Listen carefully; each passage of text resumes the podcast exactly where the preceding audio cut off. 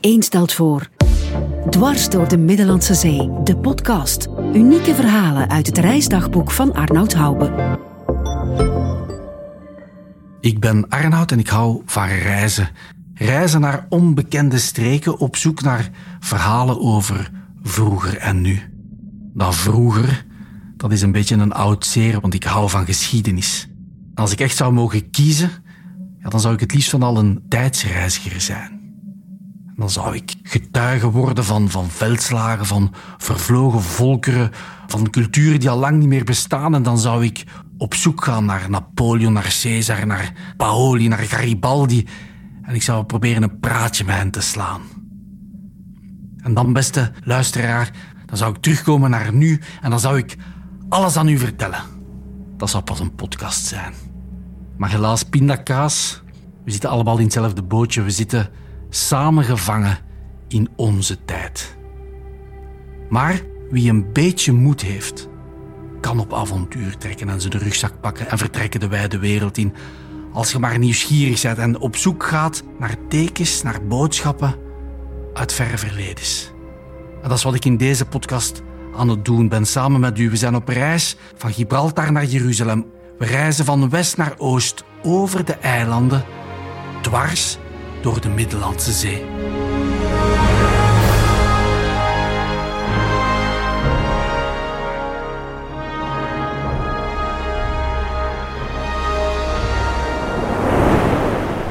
Ruben, Filip en ik zitten op de ferry. We zijn onderweg naar Kreta, het grootste Griekse eiland. Er wonen meer dan 600.000 mensen. En Kreta ja, heeft een heel bijzondere positie in de Middellandse Zee. Het ligt tussen de continenten Europa, Afrika en Azië.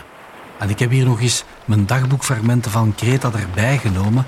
En ik zie mezelf nog zitten op die ferry, omdat ik daar heel veel tijd had om mijn notities aan te zuiveren. En die notities beginnen met een zin die meteen in het oog springt. Ik maak me zorgen. Ik maakte me op dat moment zorgen over Ruben en Filip. Want dat is u misschien ook al opgevallen op de reis door de Middellandse Zee. Ruben en Filip die hebben een oude stenen allergie.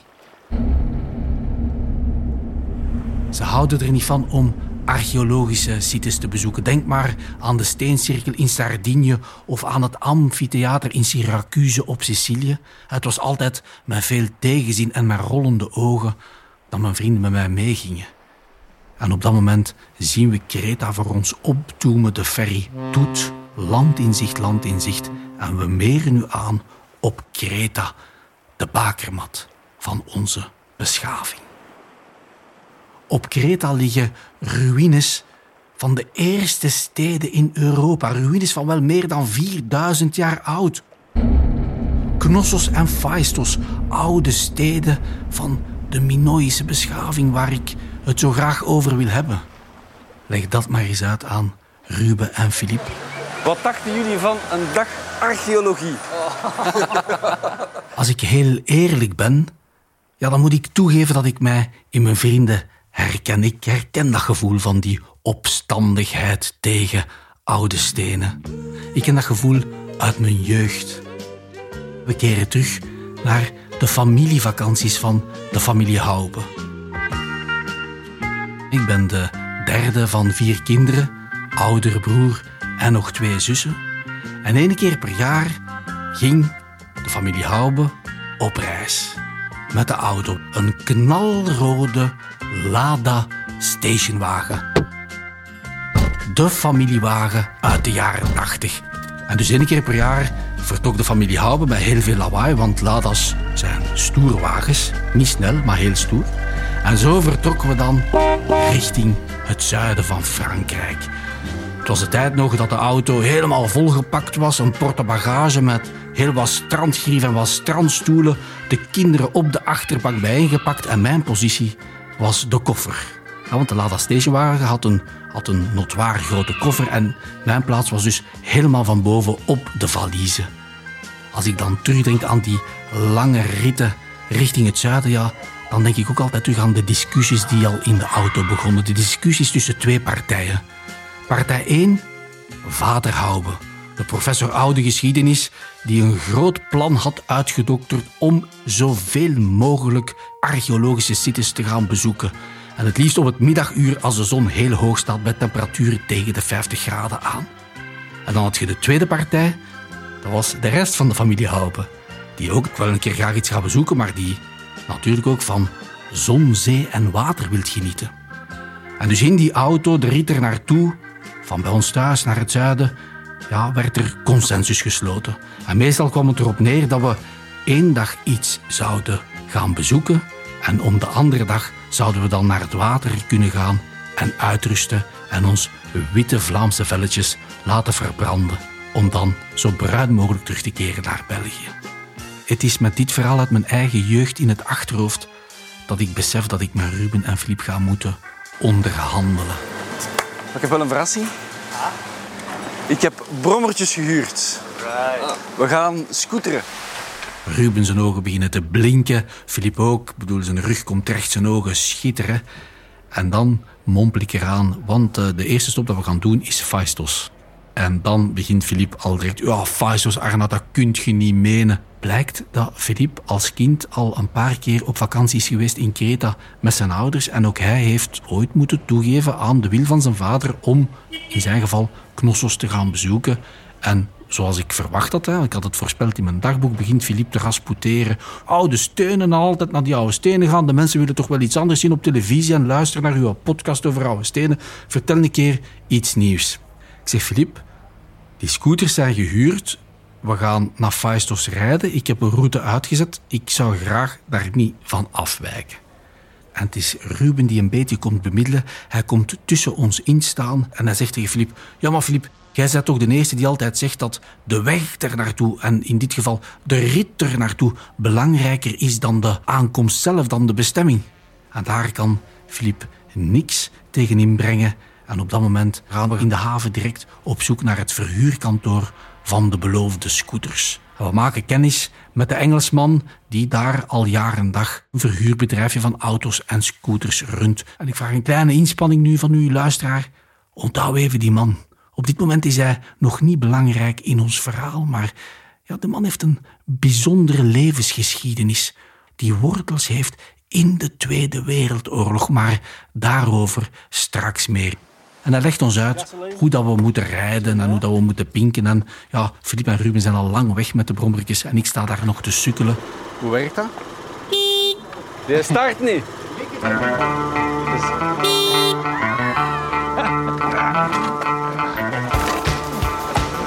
Maar ook ik raak uiteindelijk vertrokken. Dat is fantastisch, hè? Zalig. Ik stel voor dat we in één rug doorrijden naar Jeruzalem. En daar rijden we dan zij aan zij op onze blinkende scooters over Griekse wegen. Daarop valt dat wel tegen, hè? Maar ja, hangt er vanaf wie dat erop zit zeker. Hangt er eens boven. En we moeten opletten, want die Grieken rijden zoals hun snorren. Woest, ruig en met weinig verfijning. Opletten op de baan, concentreren, af en toe naast elkaar rijden, maar meestal toch achter elkaar. En we doorkruisen de Messara-vlakte. Een prachtige vlakte van zeer vruchtbare grond. Het lijkt wel het beloofde land. Want hier heb je alles. Hè. Je hebt die vruchtbare grond, maar je hebt ook de bergen aan de einder. En de Middellandse Zee die een mild briesje blaast in onze nek. Prachtig. Het is hier dat onze Europese identiteit ontstaat. Hè? Het begin van alles, dat is hier, dat is in Kreta. En ik kan mij goed voorstellen waarom dat de Minoërs die eerste Europese beschaving hier zo goed konden aarden. Dit is gewoon een zalige plaats om te vertoeven. En ik roep naar Filip van op mijn scooter. Dat is toch fantastisch, hè, Filip, die vlakte. Machtig, machtig. En Filip zijn ogen blinken nu ook, want ja, Filip als cameraman heeft oog voor schoonheid en voor de grandeur van de natuur. En ik roep verder, toch geweldig dat die Minoërs hier ja, de eerste olijfboomgaarden hebben aangeplant. Tot op de dag van vandaag is Kreta de grootste olijfexporteur van de wereld. Nergens wordt er meer olijfolie geproduceerd dan hier. En De wijnranken dat je daar ziet, Filip, die vinden ook hun oorsprong in de Minoïsche tijd. En Filip zijn ogen blinken nu ook en hij kijkt rond en we geven onze ogen de kost. En we komen nu aan in Phaistos. Ja.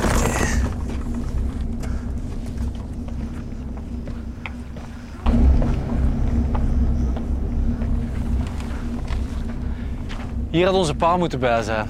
Ja? Ja, ja. Ik kan nu niet zeggen hoeveel kilometer we op dit moment nu exact hebben afgelegd met de scooters, maar ik kan u wel zeggen dat we 4000 jaar in de tijd zijn teruggereden. Want we snappen nu de archeologische site op en voor ons doemen de fundamenten van het oude paleis op. Het oude paleis waar een koning woonde en waar rond een bevolking en een samenleving was georganiseerd. En terwijl ik me een uitleg sta te doen, kijk ik achter mij en ik zie niemand. Ruben! Filip! Vanuit de schaduw komen ze nu aangesloft. Arnoud, het is toch veel te warm, kom. We zijn weg. We rijden door. Heel knap, heel knap. Ik heb eh, de beelden genomen. Je kunt dat monteren. Zet er mooie muziek onder. Ik zeg, jongens, dat kun je niet menen. En ik trek mijn joker. Weet je wat? Ik bel naar mijn hulplijn. Ik bel naar professor Haube, naar vader Haube. Want onze pa zal uitleggen hoe dat al hier in elkaar zit. Hallo. Ja, dag Paak, het is Arnoud. Zeg, ik zit in Greta, hè? Ja, weet ik, ja. Ja, ik probeer hier mijn eh, twee collega's te enthousiasmeren voor Phaistos. Ze vinden dat heel eh, Ja, moeilijk om... maar dat is, ja, maar daar, daar moeten ze zelfs niet over discussiëren. Je moet er naartoe gaan, want dat is het belangrijkste dat, Greta, dat de Greta te bieden heeft. Hè. Phaistos is eh, bekend om zijn oud paleis. Hè. En rond die paleizen waren wel huizen. Dus er, er waren ook eh, de, de werkmensen en die woonden dan in nederzettingen rond die paleizen. Dus, dat is de onmiddellijke voorganger van de Griekse beschaving. Wij zijn, wij zijn nog altijd de Griekse Oké, Paken, wij staan ondertussen hier in de huisjes achter het paleis. De zon is nu heel hard aan het slaan, staat heel hoog. Eh, boven ons, we gaan hier eh, we gaan afronden. Merci voor de uitleg, voor de hulplijn en de groetjes aan ons mama. Hè. Ja, en ze hebben die, die paleizen, goed Ja. aan mama, hè. Ja. Ja. ze hebben in die paleizen ook heel... eh, Ja, en ik moet toegeven dat het bij mij nu ook begint te branden. Die hoge Griekse zon die nu pal boven Phaistos staat. En ja, we proberen af te ronden en we stappen terug naar onze brommers. We zijn terug on the road op Griekse wegen.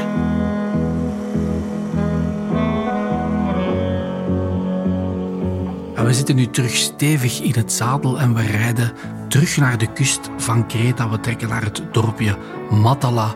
Het is terwijl ik daarover zit te fantaseren dat ik ja, tussen enkele olijfbomen aan een klein boerderijtje twee oude dametjes zie zitten. Prachtige Griekse oude dametjes. Het lijkt wel een postkaart waar je dan zou opschrijven groetjes uit Kreta.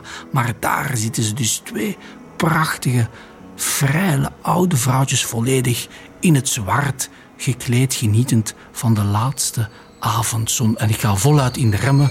Ruben wordt kwaad, want ja, die moet een slipmanoeuvre uitvoeren om mij te ontwijken. En dan zegt ze, wat is er voor een probleem? Een probleem? Ik zeg, nee, kijk daar, kijk daar. Kijk eens naar die mooie deernes. Goedenavond. Kalispera. En de omaatjes reageren toch iets minder romantisch dan ik mij had voorgenomen. Want het eerste dat ze vragen is... Germani. No, Belgica. Ik kan gelukkig direct zeggen, nee, nee, wij zijn geen Duitsers. We hebben ook heel veel last ooit gehad van de Duitsers. Wij komen uit België. Wij zijn Vlamingen op tour door de Middellandse Zee. Dat is al genoeg om de meisjes te doen onttooien. Ah, Vlamingen, welgekomen, zet jullie. Kijk een keer naar onze olijfbomen. Kijk een keer naar onze basilicum hier. En inderdaad, ik sta aan een gigantisch grote mediterrane basilicumplant. Die hele terrasje daarin ja, een fantastisch aroma omhult. En we beginnen te babbelen, het ijs is gebroken. En dan vraag ik het op de vrouw af. Dames, is dat nu echt niet te warm? Zo helemaal in het zwart gekleed zijn bij deze temperaturen? Maar het antwoord is heel eenvoudig. Ze zeggen, nee jongen, eh, dat is nu eenmaal zo op Kreta. Als je hier je man verliest en je wordt weduwe, ja, van dan af gaan de vrouwen hier op het eiland in het zwart gekleed. Maar zeggen ze, ondertussen zijn we 88 en 92. We zijn misschien in het zwart gekleed, maar we kunnen nog altijd goed lachen. Zijn, hè? En gewoon een interview. Woe! Wij zijn twee hartsvriendinnen, want we zijn indertijd in hetzelfde jaar getrouwd. En ik ga verder. Hè. Wat voor mannen hebben jullie eigenlijk gehad in het leven? En, de vrouwen hun ogen beginnen te fonkelen. Oh, we hebben fantastische mannen gehad. En ze konden het land bewerken. Ze maaiden als de beste. Ze ploegden. Ze dorsten. Ze konden alles. Kijk maar een keer rond u. Die olijfgaarden dat je hier ziet, dat is dus een levenswerk. En wij twee, we zijn misschien wel oud, hè? We komen nog elke avond naar hier geschuifeld om het werk van onze mannen te kunnen bekijken. En dan halen we herinneringen op over vroeger. Ondertussen is al een van de vrouwtjes rechtgestaan en die is nu volop basilicum aan het plukken om met ons mee te geven. De sfeer zit er hier goed in. Dankjewel. Efgaristo, Efgaristo. Magnifiek. Oh, amai, Filip ruikt ik hier, joh. Ja, hallo. Amai. En ik ga verder. Ik vraag de dames hoe ze hun man hebben leren kennen en wat het recept is voor zo'n lang en gelukkig huwelijk. Ja, zeggen de dames in koor, ja, dat was helemaal niet moeilijk. Onze ouders hebben voor ons beslist met wie wij zouden trouwen. Het was niet zo dat wij naar de feestjes gingen of naar een thé gingen of gaan dansen, gelijk jullie dat misschien doen. Bij ons was het zo dat vader en moeder beslisten met wie dat de dochter trouwde. Het was pas ja, op de dag dat het huwelijk voltrokken werd dat ik met een man in de ogen heb gekeken. En sindsdien hebben we onze plan getrokken. En dat heeft heel goed gewerkt. Want mijn ouders wisten heel goed wie dat ik was en die zagen mij ook heel graag. Dus die hebben mij ook niet aan de eerste, de beste boer uitgehuwelijkt. Nee, die hebben mij aan een topboer hier in de streek uitgehuwelijkt. En we hebben een fantastisch leven kunnen uitbouwen. We stappen terug op onze brommers en terwijl we aan het starten zijn, geeft Philippe zijn analyse van de situatie. Jarne, Ja? blind getrouwd. Ja. Staat al veel langer, hè? Dat is de format dat de Grieken hebben uitgevonden. Hè. Blind getrouwd. Volgens mij zijn dat soms nog de beste huwelijken. Hè. Wij leven in een keuzemaatschappij. Kijk, ik nu met een brommer niet meer gestart. Zou, zou uw papa voor u iemand heel anders gekozen hebben? Oh, dat, dat weet ik niet. Dat weet ik niet. Dan moet ik kiezen... Maar misschien wel, hè. Misschien een grote blonde. Wat heb je nu? Een grote zwarte.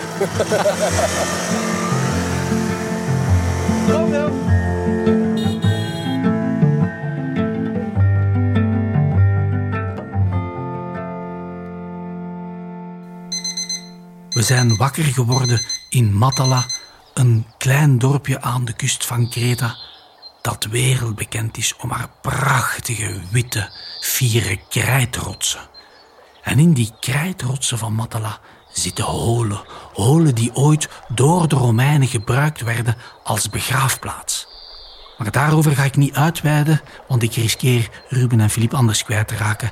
En misschien raak ik u dan ook wel kwijt, beste luisteraar. Misschien heeft u ook een beetje stenenallergie. Maar die holen, die oude graftombes, werden eind jaren 60, begin jaren 70 bevolkt door de hippies. Want de hippies die hadden Kreta ontdekt en die kwamen van heinde en ver, van over heel de wereld afgezakt naar Matala, waar ze wilde feestjes gaven op het strand en bij nacht naakt gingen zwemmen in de zee. En dus, ja, die hippies die leefden zomerslang in die holen van de rotsen van Matala. En dat wil ik met mijn eigen ogen zien. Niet enkel omdat daar hippies zijn gepasseerd, maar ook enkele van de hippies. En daarmee bedoel ik, Bob Dylan is hier gepasseerd, Janis Joplin is hier gepasseerd en een van mijn favoriete zangeressen ooit. Joni Mitchell bracht haar zomer van 1971 door in de grotten van Matala. Kijk, ze. Zie je daar? Dat zijn de spelonken. Ja, die gatjes. I am on a lonely road and I am traveling, traveling, traveling, traveling, looking for something. What can it be? Oh, I hate you some, I hate you some, I love you some. Oh, I love you when I forget about me. Vandaag is het een pelgrimage voor mij. En terwijl vraag ik aan Ruben of hij denkt of ik een goede hippie zou geweest zijn. Ruben lacht mij instant uit. Arnoud, jij een hippie. Kijk een keer naar die wangetjes van u, die zo mooi ingezeept zijn. Je hebt u waarschijnlijk deze morgen nog geschoren. Ah, Ik moet het toegeven, ik heb mij deze morgen geschoren. Ik scheer me elke ochtend. Ik wil er goed voorkomen als we op zoek gaan naar verhalen. En dan doet Ruben teken naar zijn eigen aangezicht. Kijk eens naar mijn baard. Kijk eens naar die wildgroei hier. Dat is hippie zijn, dat is een mentaliteit. Dat is u niet te veel zorgen maken over hoe dat je eruit ziet, maar de dag beleven gelijk hij komt. Vrij zijn. Eén zijn met de kosmos. En zo voel ik mij vandaag. Ik voel dat Ruben er zin in heeft om de holen in de krijtrotsen van Matala te gaan bekijken. En met een beetje geluk blijft hij daar misschien ook wel een paar dagen hangen.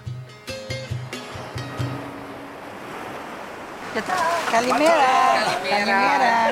Dan komt er een vrouwtje voorbij, opnieuw in het zwart gekleed. En ik weet ondertussen wat dat betekent. Ik spreek haar aan. Eh, dag mevrouw, eh, van, we zijn van België, Ruben Filip hier. We zijn onderweg naar Jeruzalem. Maar vandaag is het toch echt wel een pelgrimstop die we maken. Want ik moest en ik zou Matala met mijn eigen ogen bekijken. Ja, weet u, Johnny Mitchell was hier en zo. Oh, de vrouw onderbreekt me natuurlijk. ik was jong. Eind jaren 60, ik was zelf een jong meisje. Ik heb de hippies hier met eigen ogen zien aankomen. Ik heb ze zien feesten en zien dansen. Haar ogen spreken boekdelen als ze over de hippies vertelt. Het zijn mooie herinneringen. En met dat ik in de ogen van de vrouw kijk, zie ik dat ze ooit een heel mooi meisje moet geweest zijn. En ik vraag stout, heeft u dan nooit een oogje laten vallen op een van die vrolijke hippies? Doe het even stil. Ze twijfelt. Ja, zegt ze, schoorvoetend. Ik was natuurlijk ook al verloofd. Ik stond op het punt om te trouwen en ik had een hele goede man. En ze begint over iets anders. Maar ik voel dat ik daar dus iets heb aangeraakt dat nog niet helemaal verteld is. Ja, dan ga ik verder. En hoe waren die hippies dan? Oh, die waren heel sympathiek, zoals ik al vertelde. En mijn vader had zelfs een hippie in huis genomen. Ja, een hippie die inwoonde, een Duitser, die studeerde voor arts. En ja, die heeft een hele zomer lang bij ons gewoond. Een hele knappe gast, een hele toffe. Misschien ligt daar wel dat kleine angeltje dat ik daarnet heb aangeraakt. Ja, die man heeft nog jarenlang brieven naar onze papa gestuurd. En in een van de zomers midden jaren zeventig is hij zelfs teruggekeerd naar Matala. Helemaal gewassen, helemaal gekamd, mooi in het hemd, met een bloemetje in de revers. En hij is mijn hand komen vragen. Maar, zegt de vrouw, ik heb niet getwijfeld. Ik heb mij heel mijn hart gekozen voor mijn Griek, voor mijn traditionele man. En we hebben een fantastisch leven gehad. En terwijl ze herinneringen aan het ophalen is over haar man, word ik omvergelopen door een beer van een kerel. Een robuuste man met, met lange haren en een gitaar. where are you guys from?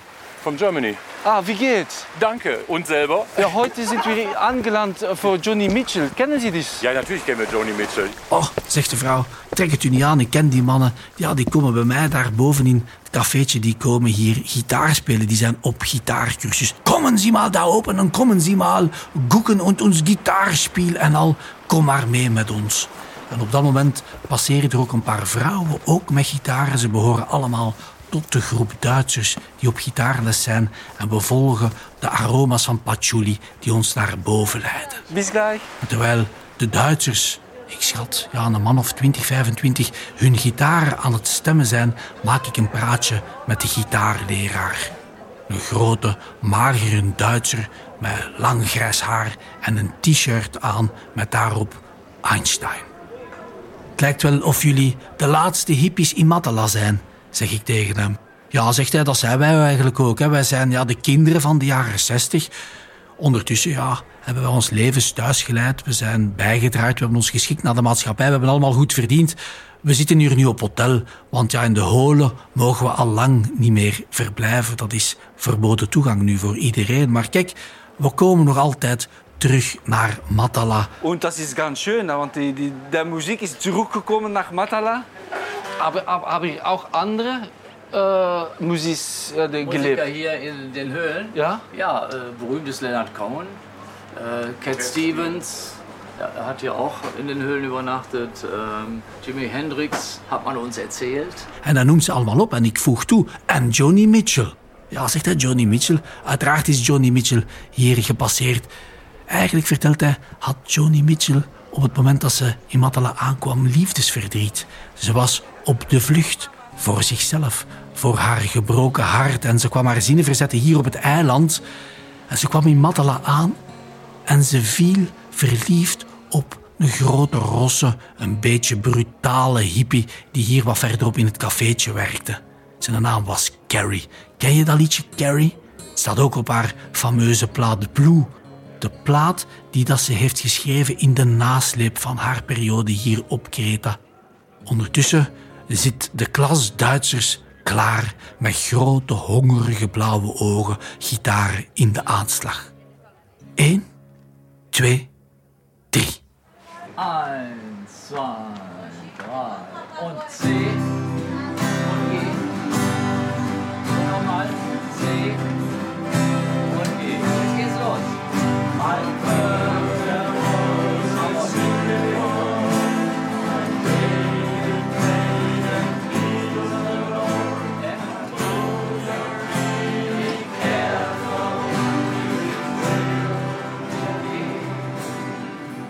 En terwijl de liedjes van de oude hippies nog nagalmen in mijn oren, zitten we terug op de scooter. We zetten koers naar het uiterste noorden van Kreta. We trekken naar het dorpje Maleme.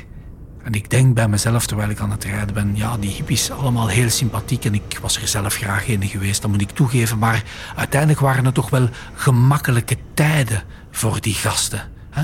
Rebelleren met fleurige hemden en lang haar. Rebelleren tegen de gevestigde orde, tegen de maatschappij en tegen de oorlog in Vietnam.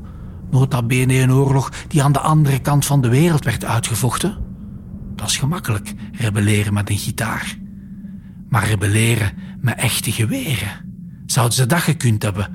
Want dat was het lot van de oude Cretensers, waarvan er waarschijnlijk vandaag nog enkele in leven zijn. Want 80 jaar geleden was Kreta de inzet van operatie Mercurius.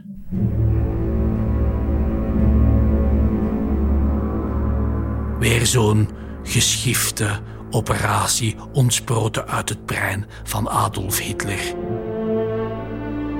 Nazi-Duitsland heeft het Griekse vasteland veroverd en stevig in haar hand. En de geallieerde soldaten die gestationeerd waren in Griekenland, ja, die waren al voor een stukje op de vlucht geslagen. En er waren er duizenden en duizenden al aangekomen op Kreta. Ik spreek over Britten, Canadezen, Nieuw-Zeelanders, ja, geallieerde troepen. Die zitten daar met tienduizenden tegelijk op Kreta hun wonden te likken. Maar de buik van die gulzige Hitler was natuurlijk nog lang niet vol. Operatie Mercurius wordt de grootste luchtlandingsoperatie tot dan toe. We keren terug naar de vroege ochtend van 20 mei 1941. Duitse vliegtuigen naderen Kreta. Ze hangen nu boven het noorden van het eiland en ze droppen 8000 parachutisten. Wat dachten die geallieerde soldaten die op de grond zagen wat er gebeurde? Dat moet even een heel spectaculair beeld zijn geweest, maar dan zijn ze waarschijnlijk direct in actie gevlogen. Ze zijn beginnen schieten, schieten, schieten, schieten op alles wat er bewoog in de lucht. Van de 8000 parachutisten die gedropt zijn, landen er maar 4000 levend op Kreta. En wat volgt is een inferno. Wat volgt is de tiendaagse slag om Kreta.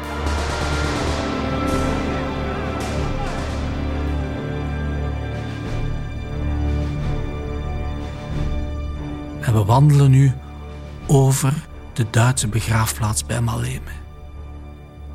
Wat een bloedbad moet dat hier geweest zijn. Kijk, geboren in het jaar 17. Het jaar 19 hier geboren, het jaar 16. Dus dat zijn echte kinderen die geboren zijn op de ruïnes van de Eerste Wereldoorlog, die hier weer opnieuw worden geofferd voor de waanzin. Hè? Wat een plaats om begraven te liggen. We laten de begraafplaats achter ons en we rijden onze laatste gemotoriseerde kilometers. We rijden naar het centrum van Maleme. We ruilen onze scooters in en we doen onze stapschoenen aan. Want de laatste dagen op Kreta zullen we al stappend doorbrengen in het spoor van de tiendaagse slag om Kreta. De Duitsers die kunnen een bruggenhoofd slaan in Maleme en ze slagen erin om de luchthaven te veroveren en vanaf nu kunnen ze zichzelf versterken met extra troepen. Dus de Duitsers kunnen oprukken en de geallieerden die kunnen niet anders dan zich terugtrekken. Ze zijn aan de verliezende hand en het is dus in dat spoor, in dat pijnlijke oorlogsgevricht, dat we de laatste dagen zullen reizen door Kreta.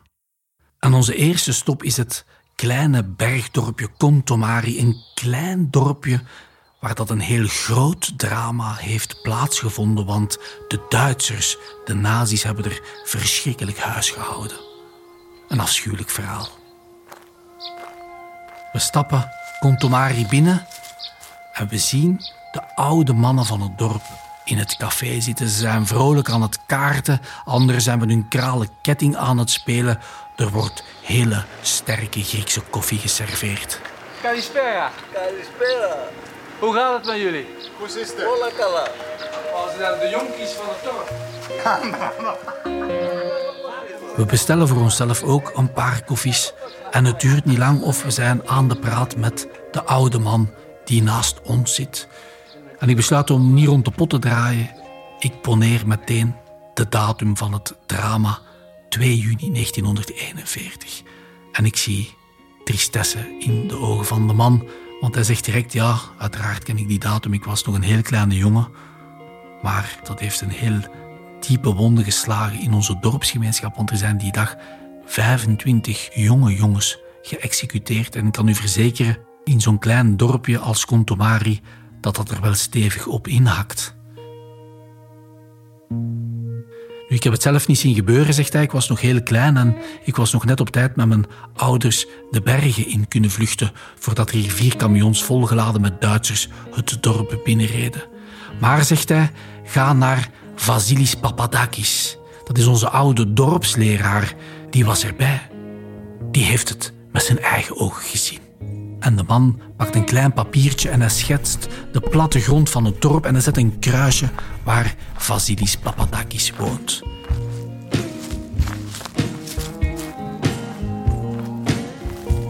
En daar stappen we nu naartoe, door het dorp, naar Vasilis Papadakis.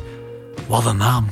Stel dat het geen oorlog zou zijn geweest, dan, dan zou die naam Vasilis Papadakis, daar stelt je toch een fantastische acteur bij voor of, of een geweldig goede charmezanger. We staan nu voor zijn huis en we bellen aan. Ah, Vasilis Papadakis? Yes. Een oude man, zijn hemd staat open op krukken. Ik denk dat hij moet verschoten zijn. Ja, plots drie grote Noord-Europeanen voor zijn deur gewapend met camera's en geluidsmateriaal. Maar ik leg het hem uit. Ik zeg, Klaas Gent, bent u ja, een van de laatste levende getuigen die heeft meegemaakt wat de Duitsers hier hebben aangericht. En komt nu terug met grote albums vol artikels en fotomateriaal. Ik zal jullie precies vertellen wat er die dag gebeurd is, zegt hij. Het zat namelijk zo. De Duitsers kregen al redelijk snel de bovenhand op Kreta. Ze konden de situatie naar hun hand zetten en de geallieerden die sloegen op de vlucht. Dus de Duitsers dachten, ja, ons broodje is gebakken. Onze Führer zal wel heel fier zijn. Maar ze hadden één ding onderschat. En dat is onze volksaard, de volksaard van de Cretensers. Want wij geven ons niet zomaar gewonnen. Nee, nee, herders, pastoors, jongere mannen, vrouwen, iedereen werkte samen in een soort groot volksverzet tegen die invasieve Duitsers. Herders verborgen weggevluchte Britse soldaten. Kinderen rolden rotsblokken op de straten om de oprukkende Duitsers het leven zuur te maken enzovoort. De Duitsers konden daar niet mee lachen. Integendeel, ze begonnen het cretensische verzet te vrezen. Nu, wat gebeurde er in heel die chaos van die eerste oorlogsdagen op Kreta? In de buurt van ons dorp, in de buurt van Kontomari, werden twee dode Duitsers gevonden. Twee vermoorde soldaten. Slecht nieuws. Want de Duitsers steken de schuld op de bewoners van Kontomari. Wij gaan wraak nemen, dat dachten de Duitsers. En we gaan niet enkel wraak nemen, we gaan die wraak ook nog eens spectaculair in beeld nemen. Zodoende gaan we fantastisch propagandamateriaal hebben om die cretensische spirit te breken. En zo kwam het dus dat er vier camions volgeladen met Duitse troepen op het marktplein reden.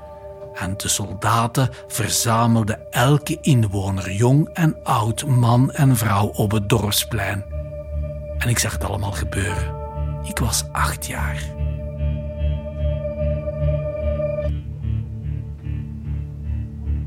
Dat was de langste namiddag uit mijn leven, vertelt hij. Dat zijn beelden die ik uit mijn kinderogen niet heb kunnen wissen. Als ik mijn ogen nu toedoe, dan kan ik het nog altijd zien.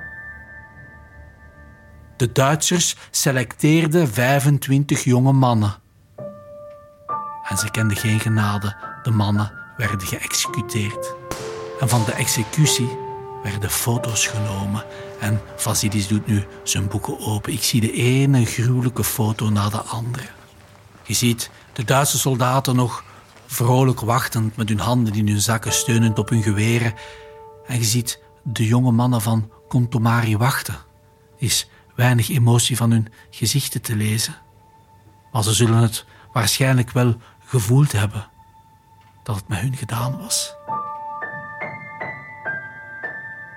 En dan, ja, waanzinnige foto's. Foto's van de executie zelf, onverbiddelijk. Keihard, onverbloemd. En de vierde oude, sterke man krijgt nu tranen in zijn ogen. Het is muisstil. Dit is wat Vasilis Papadakis heeft gezien.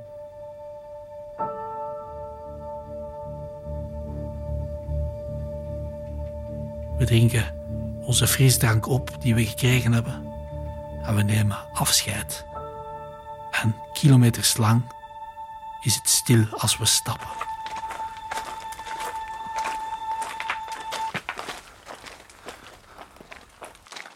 We komen nu aan aan de Imbros-kloof, een van die legendarische kloven in het binnenland van Kreta. Maar het is niet zomaar een kloof. Deze kloof was het decor van de vluchtende geallieerden. Want ja, ik was het aan het vertellen daarnet, de Duitsers zijn in opmars. Ze veroveren Kreta, de geallieerden kunnen het niet houden. Ze moeten naar de andere kant van het eiland zien te raken om geëvacueerd te worden. Gewoon. Belduino.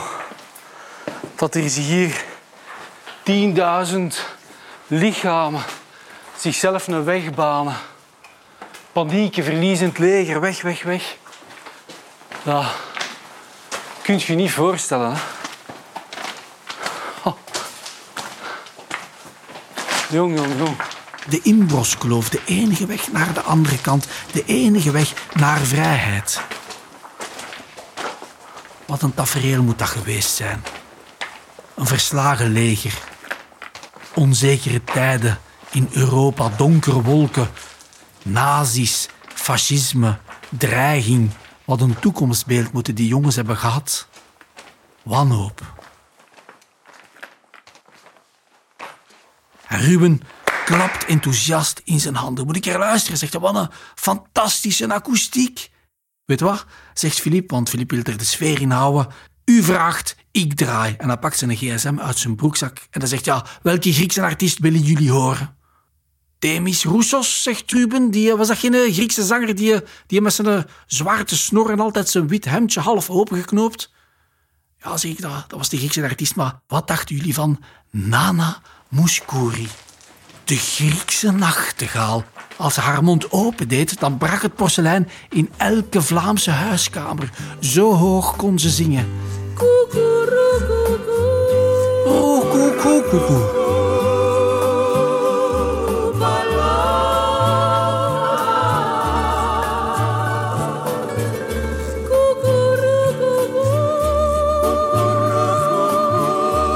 op de hoge tonen van Nana Mouskouri komen we aan in Goras Fakion. De haven waar 80 jaar geleden de boten lagen te wachten om de vluchtende soldaten te evacueren.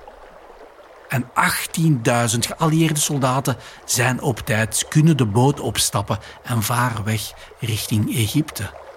Maar een heel aantal andere soldaten missen de boot.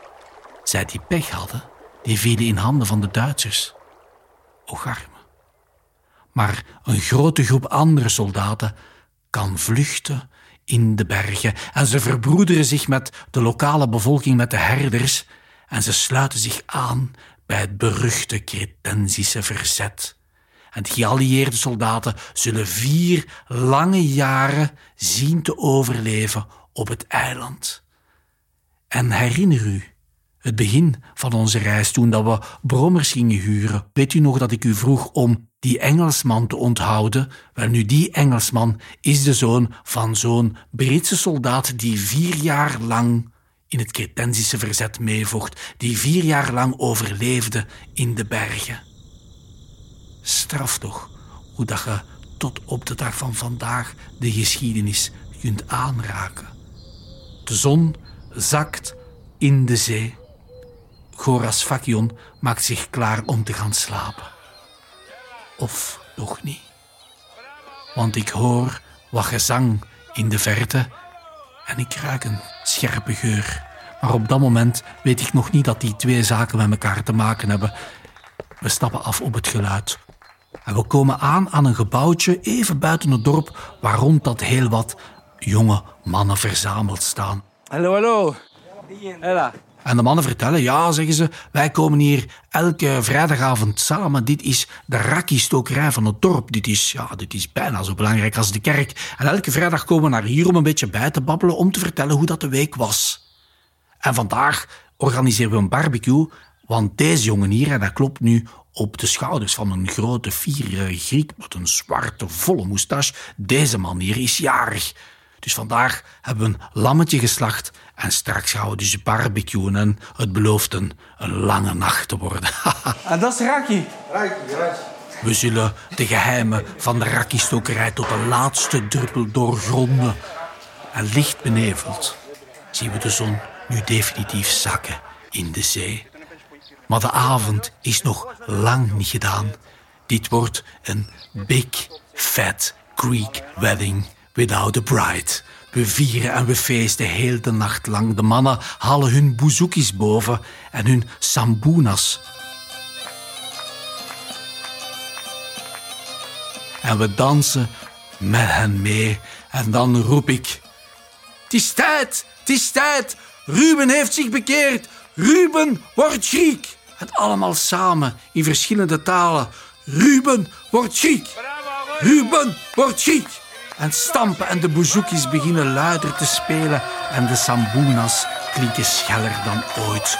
En de grootste Griek in ons midden twijfelt niet. Hij stapt nu naar zijn jeep, doet de deur open, pakt uit zijn handschoenenkistje een grote trimmer waar dat hij waarschijnlijk elke dag zijn schapen mee scheert. En Ruben wordt nu in het midden van de grote groep joelende Grieken op een stoel gezet.